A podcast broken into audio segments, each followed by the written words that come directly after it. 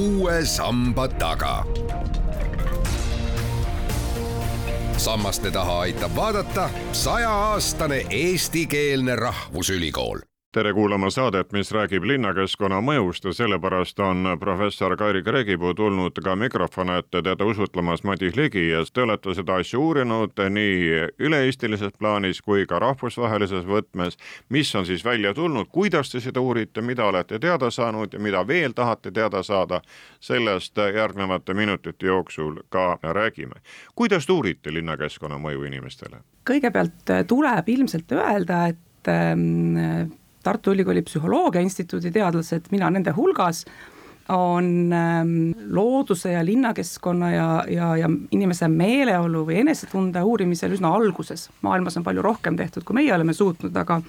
aga me näeme selles teemas väga suurt perspektiivi ja, ja selle perspektiivi või õigustuse annab meile siis see, et inimesed millegipärast kogunevad linnadesse, inimesed üha rohkem elavad linnades, praegu on pooled maailma rahvastikust linnades ja, ja see proportsioon üha suureneb. Ja enamgi veel, Ameerikast pärinevad andmed, mis ütlevad, et, et tüüpiline ameeriklane on üheksakümmend protsenti ajast üldsegi toas, ta ei lähe üldse välja,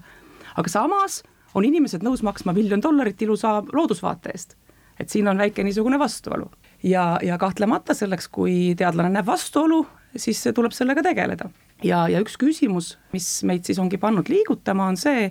et äh, kas me näeme midagi, mis looduses või midagi, mis linnas on inimesele kuidagi hea ja kasulik. ja kui me selle, selle välja mõtleme, siis loomulikult oleks täiesti aus ja õiglane anna, anda linnaplaneerijatele teada, et palun tehke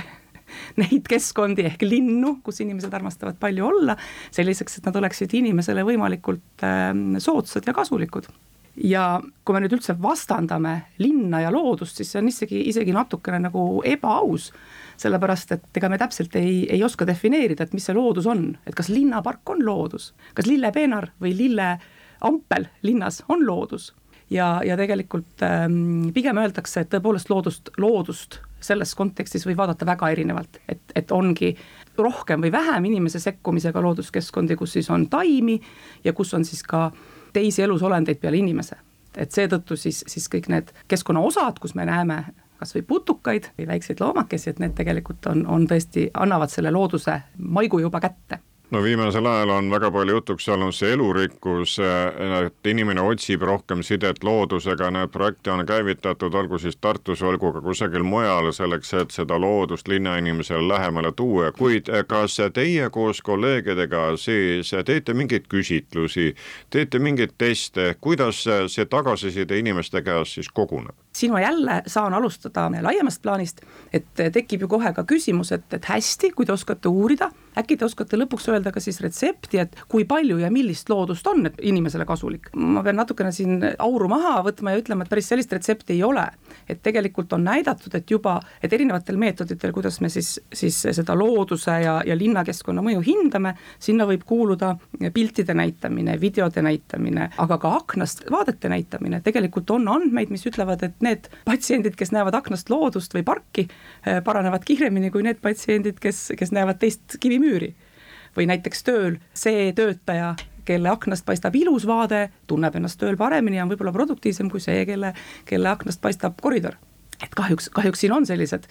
sellised äh, viited niisugustele tulemustele ja, ja mõjudele olemas. kahjuks ühest küljest, aga, aga heas mõttes, kui keerata positiivseks, et siis siit saab, saab teha järeldusi, et, et otsime ilusamaid äh, vaateid, kujundame ilusamaid keskkondi. ja, ja muidugi psühholoogia on eksperimentaalne teadus, äh, mind väga erutab see, kui on võimalik teha katseid, kui on võimalik tõepoolest võtta inimesed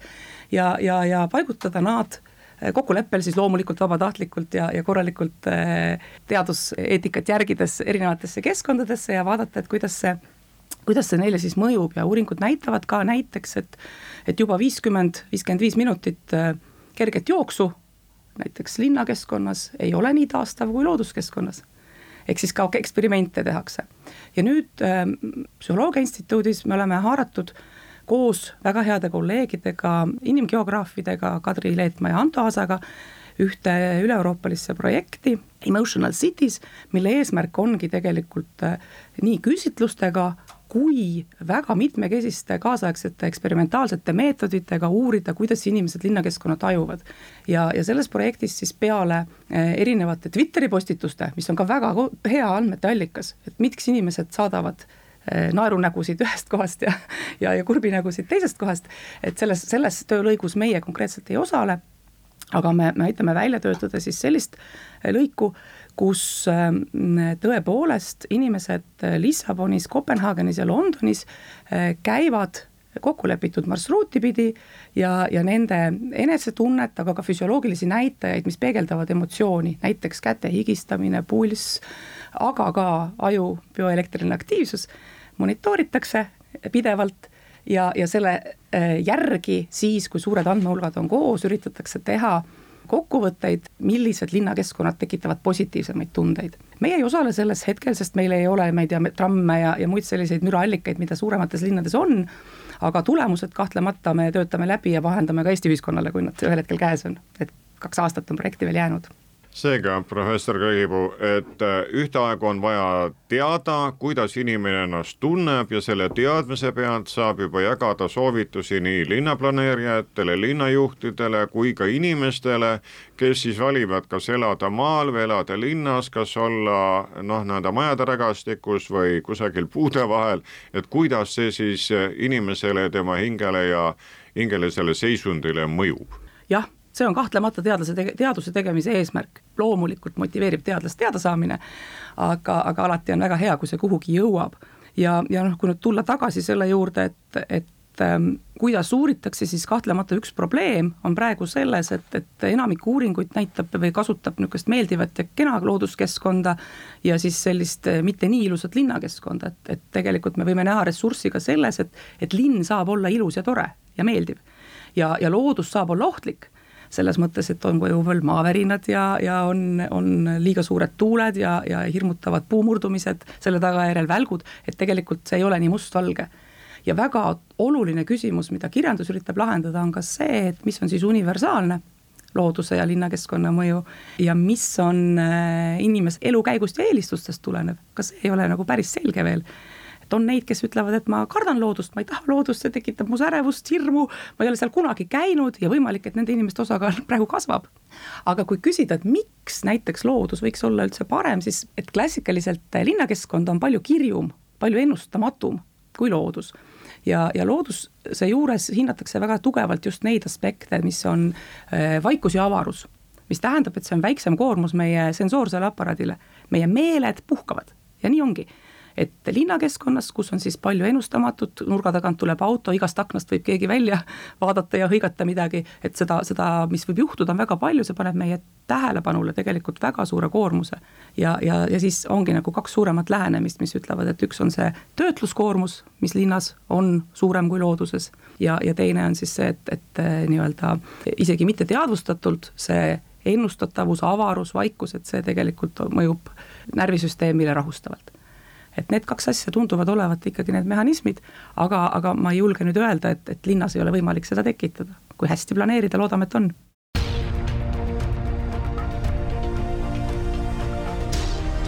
uue samba taga. sammaste taha aitab vaadata sajaaastane eestikeelne rahvusülikool aga kas te uurite niiviisi ka, et kus on majad tihedad koos ja kus on nii-öelda aedlinna variant, et kus on ruumi rohkem ja rohelust ka nende betoonrajatiste vahel? jaa, siin me saame õnneks toetuda nüüd äh, värskelt äh, läbi viidud äh, mastaapsele rahvastiku vaimse tervise uuringule, mida siis Tervise Arengu Instituut juhtis ja Tartu Ülikooli teadlased, meie nende hulgas kaasa töötasime ja, ja sellele andmestikule tuginedes me tõepoolest vaatame lähemalt erinevaid elukeskkondi, erinevaid ehististe tüüpi, maakasutuse tüüpi, eh, taimkatte tüüpi, teedevõrgu lähedust ja, ja, ja üritame selle põhjal siis, siis ennustada või, või välja selgitada, kuidas inimesed ennast, ennast on eh, tundnud nendes keskkondades. see töö on alles pooleli, aga vaimse tervise uuringule toetudes saab küll kinnitada, et et Eestis on eh, nii registreeritud vaimse tervise probleeme, mis on siis saanud kas diagnoosi kätte, kui ka subjektiivseid kaebusi linnades rohkem kui maal. see vastab, vastab tegelikult rahvusvahelisele mustrile, nii see, nii see kipub olema ja me ei ole siin erandiks.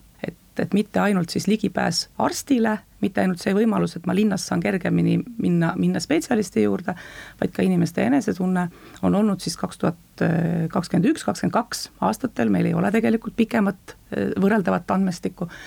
on olnud linnades stressi rohkem ja, ja vaimse tervise probleemide rohkem kui, kui maal. siin võib muidugi olla toetav argument koroona piirangute rakendamine ja maal tõepoolest oli võimalik neist kergemini üle olla. Ma ühes, ühes teises uuringus sain osalejalt subjektiivse kommentaari, et minu elus on väga vähe muutunud. ma elan maal,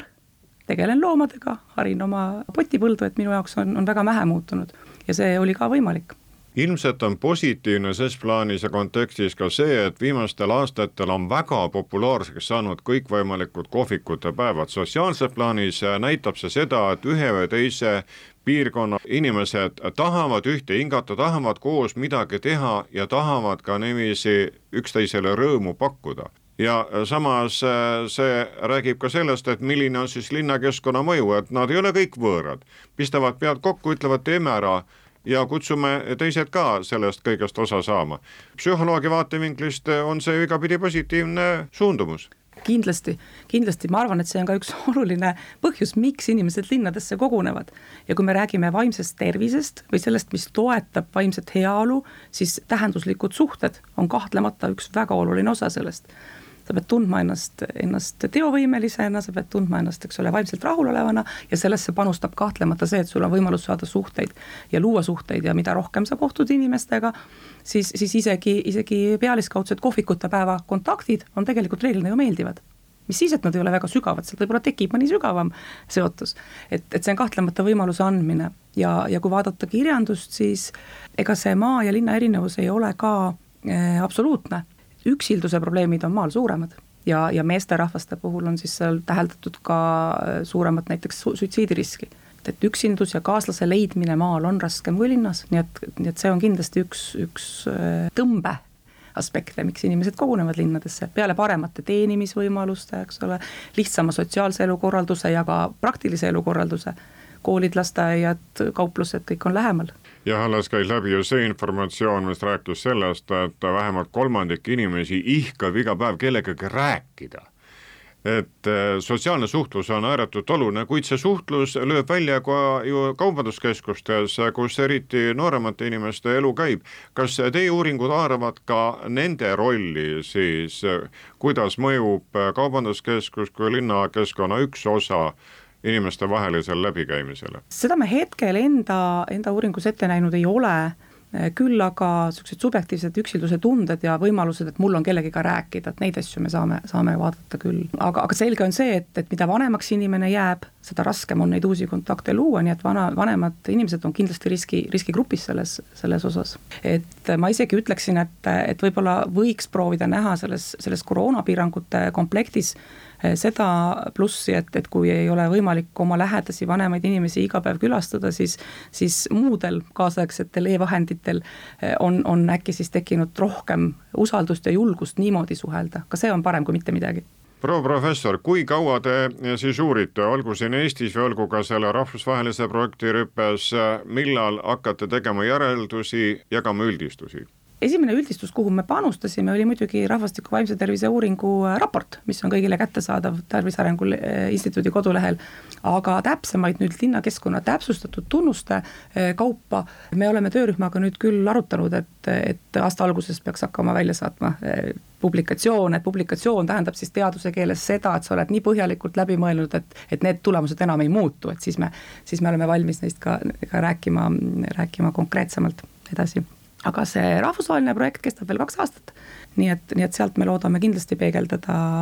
täiesti uudseid, uudseid tulemusi reaalselt kogetud keskkondade mõju kohta ning see rahvusvaheline projekt keskendub ikkagi puhtalt linnakeskkonna mõjule või lööte võrdlusse ka linna ja maa? see on selgelt linnakeskkonna mõjude uuring kuid nii või teisiti on see teadmine, mis aitab meil elu seada ja märgata ka neid suundumusi ja neid suundumusi seletada või siis ka suunata. peamine eesmärk on ikka suunata, et kui teadlane saab teada, et niimoodi on õigustatult, põhjendatult öelda, et, et see on parem, siis teadlane peab ütlema, et nii on parem kui vaadata nüüd üle ilma, praegu me räägime siin, mida tehakse Eestis ja mida siis lähiriikide kolleegidega koos teete, kuid kes on äh, seda vagu sügavamalt kündnud, ehk kes on uurinud linnakeskkonna mõju inimestele teistest nagu rohkem? ma ei oskagi niimoodi öelda, meie õnneks on muidugi see, et, et soomlased teevad väga head teadust. ma arvan, et see on Eestile väga suur tugevus, et, et kui me ei suuda ise kõikides valdkondades olla, olla kõige esimesed oma väiksuse tõttu ja võib-olla mõnel muul põhjusel ka, siis, siis küllalt palju soomlaste korraldatud uuringutest eh, on, on võib-olla meile nagu kohandatavad. hiljuti tuli välja üks, üks väga tore uuring kus ka siis Soome oli haaratud, Eesti veel, veel mitte, võib-olla tulevikus oleme rohkem, kus tegelikult selgus, et, et eh, inimesed saavad tõesti kasu sellest, kui nad elavad ilusas keskkonnas, see on täitsa selge. Kas siis mõni veekogu on lähedal, need uuemad uuringud just ütlevad, et, et mitte ainult rohealad, vaid ka siis siinialad, järved, rannikualad, et need on tegelikult vaimsele tervisele kasulikud. aga seal on väga positiivne aspekt, oli see, et aga kui sa käid regulaarselt looduses, siis see kompenseerib selle, et su kodus seda ei ole. Mis on väga-väga-väga positiivne tulemus selles mõttes, et noh, me kõik ei suuda miljoni dollari kodu endale hankida ja, ja ütleme niimoodi, et see on ikka väga suur luksus tänapäeval elada eh, kesklinnas mere ääres eh, ja, ja kõikide muude heade tunnustega metsa sees, eks ole, et aga eh, Eestis on suurepärased võimalused käia matkaradadel, suurepärased ligipääsud rannikule, veekogudele ja kui seda osata kasutada, siis see kahtlemata toetab vaimset tervist. üks liin veel tuleb ju sisse tuua, see on, kuidas mõjub siis linnakeskkonnas liiklus inimestele, kes ihkab rahu ja ta ärritub siis, kui näiteks masinad mürisevad kõrval, keda see absoluutselt ei häiri kas see on ka teie uurimusobjekt? ja, ja see on kahtlemata, kui siin ei oleks seda subjektiivset kogemuse aspekti vaja, siis võiks ju vaadata ainult numbreid. numbrit ja, ja mürakaarte ja, ja teedevõrku ja midagi sellist aga kahtlemata on, on siin suured erinevused, et, et on inimesed, keda kas siis nende seisundi või iseloomu tõttu asjad häirivad rohkem ja on inimesi, keda ei häiri ja, ja, ja tegelikult, mis tekitab siia sellesse linnakeskkonna või keskkonna ja vaimse tervise teemasse suure komplekssuse, ongi see, et, et meil on vaja teada, kes need inimesed on ja nende muud elutahud on ka väga olulised. sa võid mõnel hetkel olla suhteliselt rahulik ja sind ei häiri miski ja teine hetk sul on tööl palju asju, sul on lapsed haiged, sul on äh, elektriarve maksta ja sind häirivad üldse kõik asjad. et siin on kahtlemata, kahtlemata see komplekssus tuleb juba sellest, et me uurime inimesi. küll oleks lihtne uurida kuubikuid ja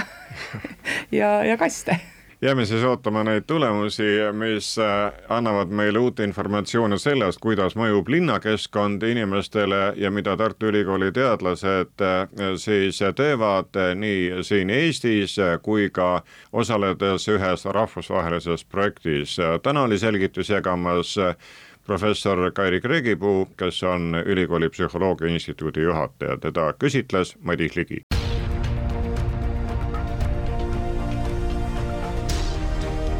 Uue samba taga.